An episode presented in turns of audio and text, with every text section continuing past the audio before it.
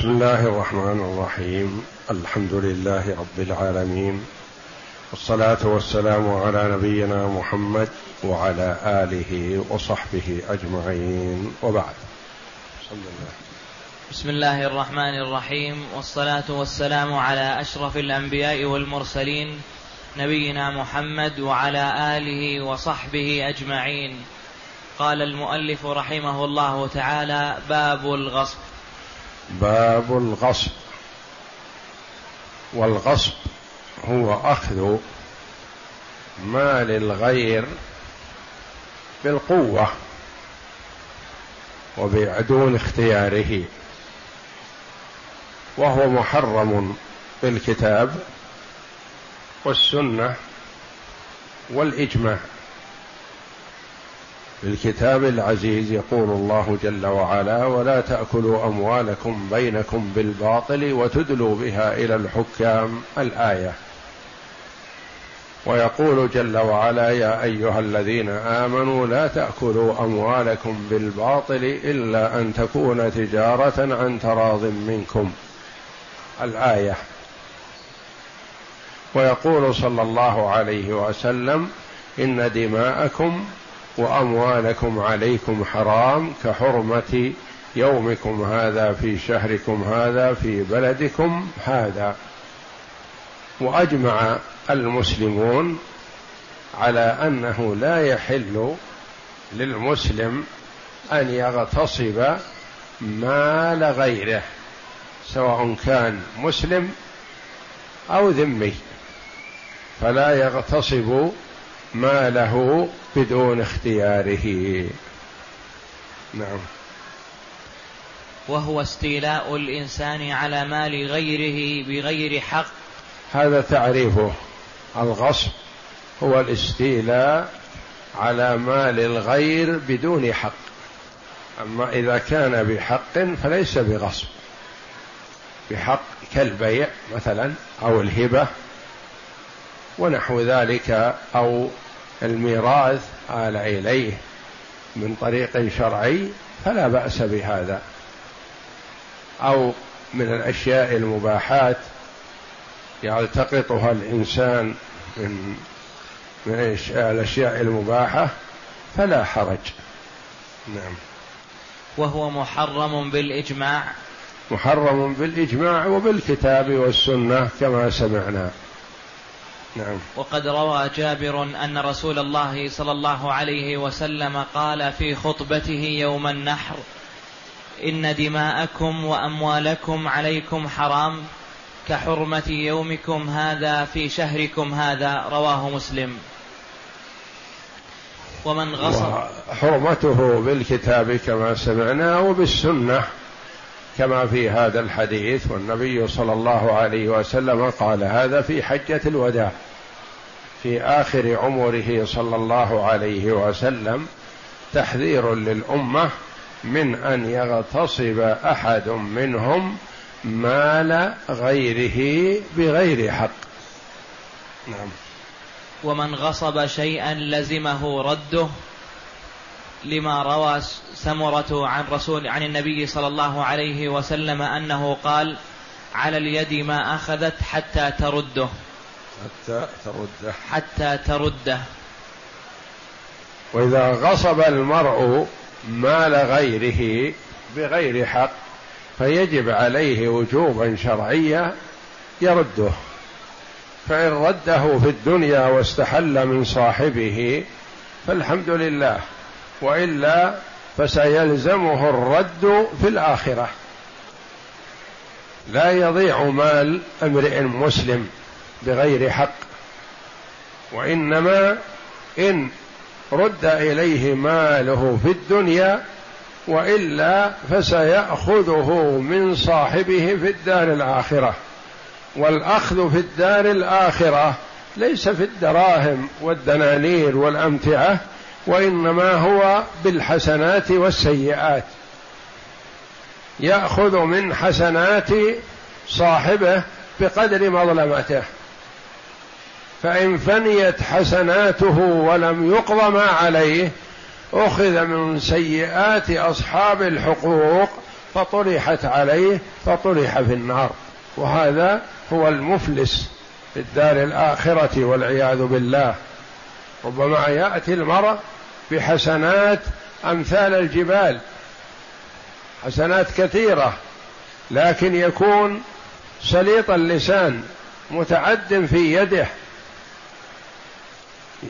يضرب هذا ويشتم هذا ويأخذ مال هذا فيؤخذ لهذا من حسناته وهذا من حسناته فإن فنيت حسناته ولم يقض ما عليه أخذ من سيئاتهم فطرحت عليه فطرح في النار والعياذ بالله. على المرء المسلم العاقل أن يحذر هذا لأنه إذا غصب مال الفقير أو الضعيف أو الجاهل وأخذ ماله ظن أنه ظفر به. وليس كذلك بل هو الخاسر.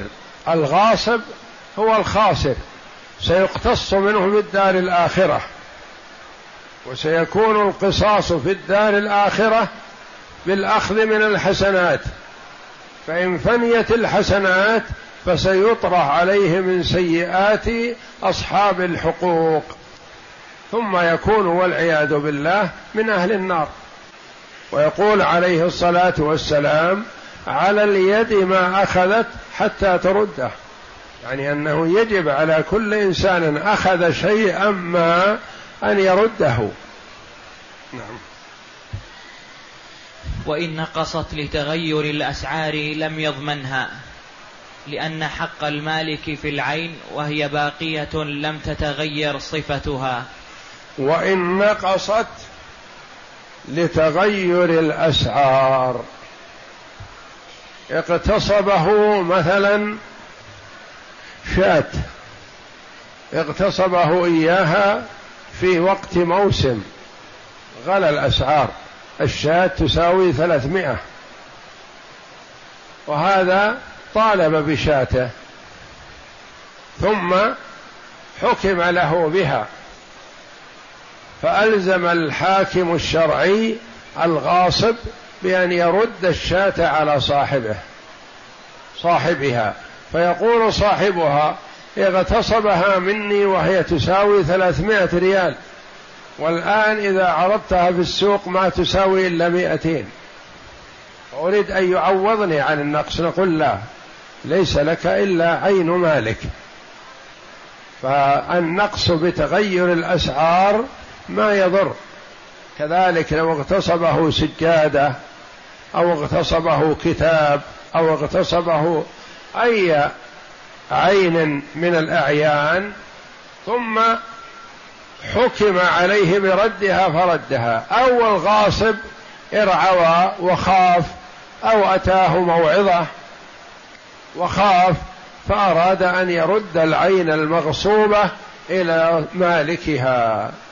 فليس لمالكها أكثر من عينه. ما يقول عوضني عن النقص الذي حصل.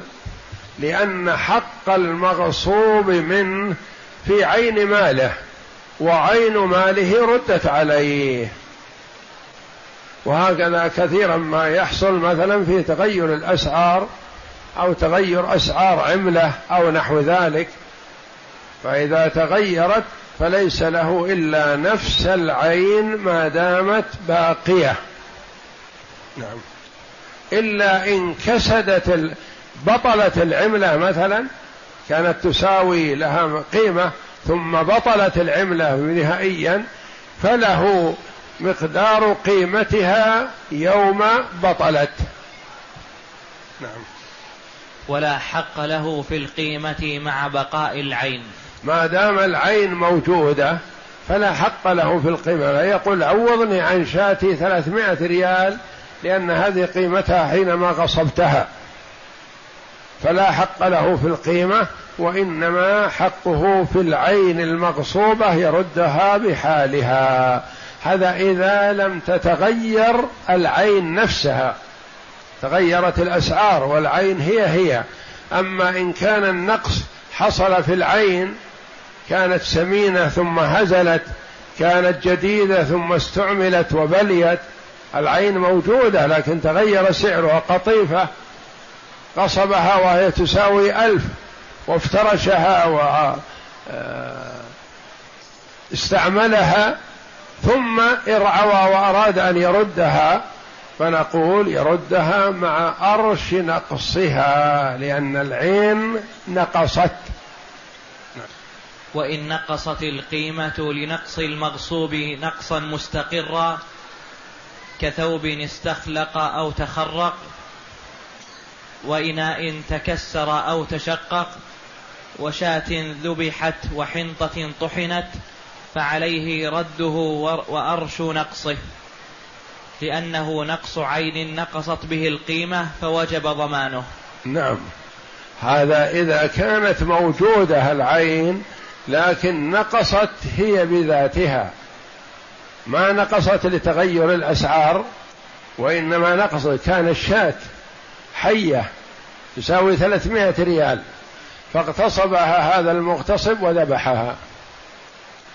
ثم ارعوى أو تاب أو حكم عليه وقيل لمن له الشاة هذه شاتك. يقول نعم شاتي صحيح لكن شاتي حينما كانت حية تساوي 300 ريال. الحين ما تساوي 100 ريال لو نادي عليها ما تشرى. مذبوحة لحم. فنقول يلزمه أن يدفع عرش نقصها. كذلك ثوب اغتصبه جديد ثم استعمله ثم أراد أن يرده. نقول رده مع عرش نقصه. أو قطيفة اغتصبها جديدة ثم أراد أن يردها. فلازم أن يردها بعد استعمالها بأرش نقصها. يقال كم تساوي جديدة؟ قل تساوي ألف. والآن كم تساوي؟ تساوي أربعمائة ريال. نقول يلزمه أن يردها مع ستمائة ريال أرش النقص. وحنطة يعني حب حب طحن تغير لأنها ما دامت حب فهي تصبر فترة من الزمن. وإذا طحنت صار صبرها قليل يختلف فتنقص قيمتها. فيدفع عرش نقصها نعم.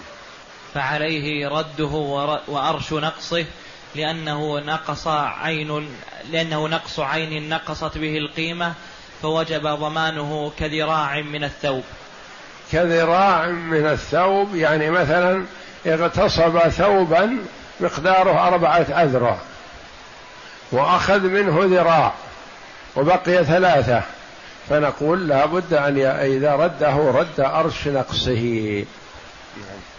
وإن طالب المالك ببدله لم يملك ذلك لأن عين ماله باقية فلم يملك المطالبة ببدله. كما لو قطع من الثوب جزءا. أحيانا يقول المالك لا أريد هذه العين لأنها استعملت لا أريد كذا لا أريد الشاة لأنها ذبحت. وإنما أريد القيمة. نقول ما دامت عين مالك وهي المغصوبة فهي لك ولك أرش نقصها ولا تعوض عنها إلا في حال تلفها تلفا كاملا. وإن طالب المالك. وإن طالب المالك ببدله لم يملك ذلك. يعني ليس للمالك أن يطالب بالقيمة أو البدل ما دام العين باقية. نعم. لأن عين ماله ماله باق فلم يملك المطالبة المطالبة ببدله. كما لو قطع كما لو قطع من من الثوب جزءا. كذلك ما يقول لا أريده إلا في حال ربما يكون فسد. يعني ما يصلح للاستعمال. مثلا يكون هو أربعة أمتار صالحة كسوة ثم أخذ منه مترا وضيعة وبقي ثلاثة أمتار. يقول ما أريد الربع لأن القماش نفسه صار غير صالح للاستعمال الآن. ما يكفي ثوبا وإنما فسد. ففي هذه الحال يكون يعوض عن هذا إما تعويض النقص كامل بحيث أنه يكون يستفيد من هذا أو يعطى بدله. وإن كان النقص غير مستقر كطعام ابتل أو عف فله بدله في قول القاضي لأنه يتزايد فساده إلى أن يتلف. وقال أبو الخطاب يتخير بين ذلك وبين تركه حتى يستقر فيه الفساد ويأخذه مع أرشه لأن عين ماله باقية فلا يمنع من أخذها مع أرشها كالثوب الذي تخرق. وإن كان النقص غير مستقر.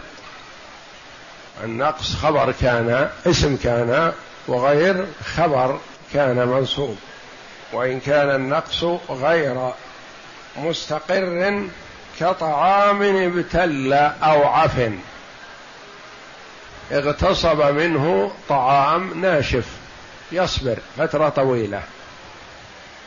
فأتى عليه ما يشعر ببدء الفساد فيه إما بلل أو تغير رائحة أو سوس أو نحو ذلك. هذا يقال عنه فساد غير مستقر لأنه ما يعلم. هذا الفساد مثلا يرتفع عنه ويسلم منه أو يزيد في هذا الفساد حتى يستأصله ويتلف كله. هذا يسمى فساد غير مستقر يعني بدأ فيه الفساد ولم يستقر بعد. فله بدله في قول القاضي أبي يعلى أحد أئمة الحنابلة. يقول يعطى بدله صالح وهذا الذي دب فيه الفساد يكون للقاصد ويعطيه بدله. وقال أبو الخطاب يخير المالك يقال له أنت بالخيار. إن شئت أعطيناك بدله وإن شئت تنتظر حتى تنظر ماذا يؤول إليه هل يصلح أو يستمر فيه الفساد ويزيد فتعطى قيمته أو أرش نقصه فصل.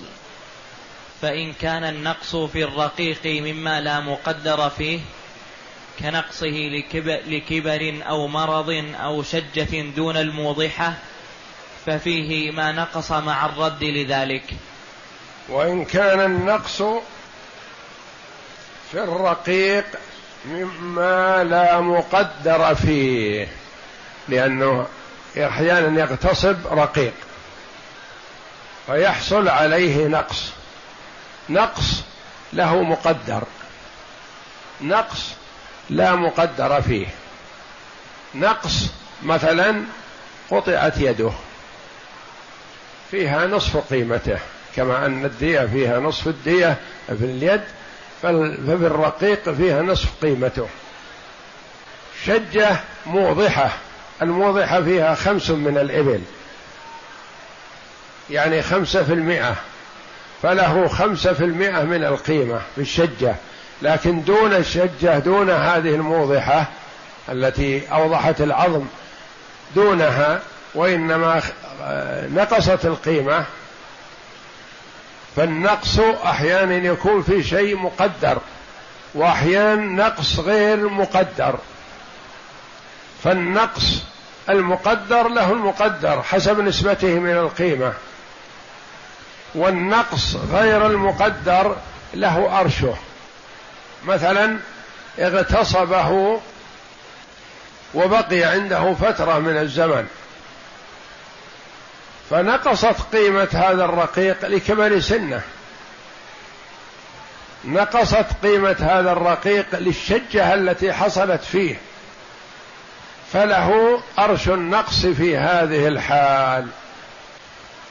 ففيه ما نقص مع الرد يعني يعطيه أرش هذا النقص الذي حصل مع الرد.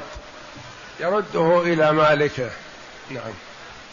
وإن كان أرشه مقدرا كذهاب يده فكذلك في إحدى الروايتين لأنه ضمان مال أشبه ضمان البهيمة. والأخرى يرده وما يجب بالجناية لأنه ضمان للرقيق فوجب فيه المقدر كضمان الجناية. وإن كان النقص فيه مقدر في الحر مثل اليد فيها نصف الدية والعين فيها نصف الدية والرجل فيها نصف الدية وهكذا. فكذلك في إحدى الروايتين له الأرش والرواية الأخرى يقول له المقدر. ما الفرق بينهما؟ في فرق. الآن الحر اليد فيها نصف الدية. الرجل فيها نصف الدية. العين فيها نصف الدية. وما في الإنسان منه شيء واحد فيه الدية كاملة كالأنف. وما كان في الإنسان منه عشر ففي عشر الدية. وما كان في الإنسان في منه أكثر ففيه أقل من هذا حسب الدية. مثلا في السن خمس من الإبل لأن الأسنان كثيرة. والرجل فيها خمسين من الإبل واليد فيها خمسين من الإبل وهكذا. فأحيانا يقال فيه الأرش والقول الثاني قال لا فيه المقدر. نقول ما الفرق بينهما يرحمك الله؟ يقول نعم إذا لم تدركوا الفرق وضحت لكم. أحيانا يكون الأرش أكثر من المقدر وأحيانا يكون المقدر أكثر من الأرش. فمثلا اغتصب رقيق. وفي حال اغتصابه قطعت يده اليمنى. ثم رعوى الغاصب وتاب إلى الله أو ألزم رغم أنفه حكم عليه بأن يرد العين. فأراد أن يردها. وإذا الرقيق قد قطعت يده. نقول اليد فيها مقدر. أحيانا يقول المالك ما أريد المقدر أريد العرش وأحيانا يقول المالك أريد المقدر ولا أريد العرش وهذا هو محل الخلاف. لما؟ قد يكون الرقيق مثلا إذا قطعت يده هو يساوي مئة ألف الرقيق مثلا. إذا قطعت يده يقول ما أحد يشتريه ولا بعشرة آلاف فيشترى الرقيق لأجل العمل والخدمة. إذا كانت مقطوعة يده ما يكون النقص كثير. واحيانا يكون المقدر أكثر من الأرش. مثلا رقيق قلعت عينه. العين فيها نصف الدية. وإذا كان للرقيق له عينان أخذت واحدة وعرض في السوق للبيع نقصه بسبب العين قليل. إذا كان يساوي مائة ألف ربما تنقص قيمته خمسة آلاف. أو عشرة آلاف مع أن المقدر فيها نصف الدية يعني نصف القيمة. فهذا الفرق بين المقدر والأرش. أحيانا يكون الأرش أكثر مثل من قطعت يده إن اليد له أثر كبير في الرقيق. إذا ما بقي له إلا يد واحدة ما يصلح للخدمة. بخلاف ما إذا قلعت عينه فنقص القيمة فيه أقل من العرش المقدر الذي هو نصف القيمة. يعني المقدر أكثر من الأرش في قلع العين. والأرش أكثر من المقدر في مثل اليد أو الرجل. وهذا معنى قول المؤلف رحمه الله وإن كان عرشه مقدرا يعني يد رجل عين ونحو ذلك. كذهاب يده فكذلك في إحدى الروايتين له الأرش والرواية الأخرى تقول ليس له الأرش وإنما له المقدر. نعم. لأنه ضمان مال أشبه ضمان البهيمة. فيضمن البهيمة بأرشها لأن البهيمة ما فيها تقدير. إذا قطعت يدها أو رجلها أو أليت الشاة أو نحو ذلك هذا ما فيه مقدر وإنما فيه القيمة. ينظر في السوق كم يساوي كامل سليم وكم يساوي معيب والأرش هو ما بينهما. والأخرى يرده وما يجب بالجناية لأنه ضمان للرقيق فوجب فيه المقدر كضمان الجناية. كضمان الجناية يعني فيها نصف الدية فيها ثلث الدية فيها عشر الدية وهكذا. نعم. وإن قطع الغاصب يده فعلى هذه الرواية الواجب نصف قيمته كغير المغصوب وعلى الأولى عليه أكثر الأمرين من نصف قيمته أو قدر نقصه. إذا تعدى عليه وقطع يده فليكون المالك إذا رد عليه بالخيار. إن شاء أخذ المقدر الذي هو نصف القيمة وإن شاء طالب بالأرش الذي قد يزيد عن نصف القيمة. نعم. لأنه قد وجدت اليد والجناية فوجب أكثرهما ضمانا. وجب أكثرهما ضمانا لأن التعدي هذا موجب للضمان وموجب للقيمة المقدرة شرعا. فإن كان الأرش أكثر ألزم به وإن كانت القيمة أكثر ألزم بذلك. وإن غصب عبدا فقطع أجنبي يده فللمالك تضمين أيهما شاء. فعلى الأولى. إذا كان القاطع والمتعدي على الرقيق غير الغاصب وتعدي عليه وهو في حوزة الغاصب مثلا. فالمالك حينما يرد عليه له أن يضمن الغاصب وله أن يضمن المتعدي لأنه إن ضمن الغاصب فهو تعدي عليه وهو في حوزة الغاصب. وإن ضمن الجاني فهو الذي تعدى على ملك الغير فجنى عليه فيطالب بمقدار الجناية التي جنى. نعم. وإن غصب وإن غصب عبدا فقطع أجنبي يده فللمالك تضمين أيهما شاء.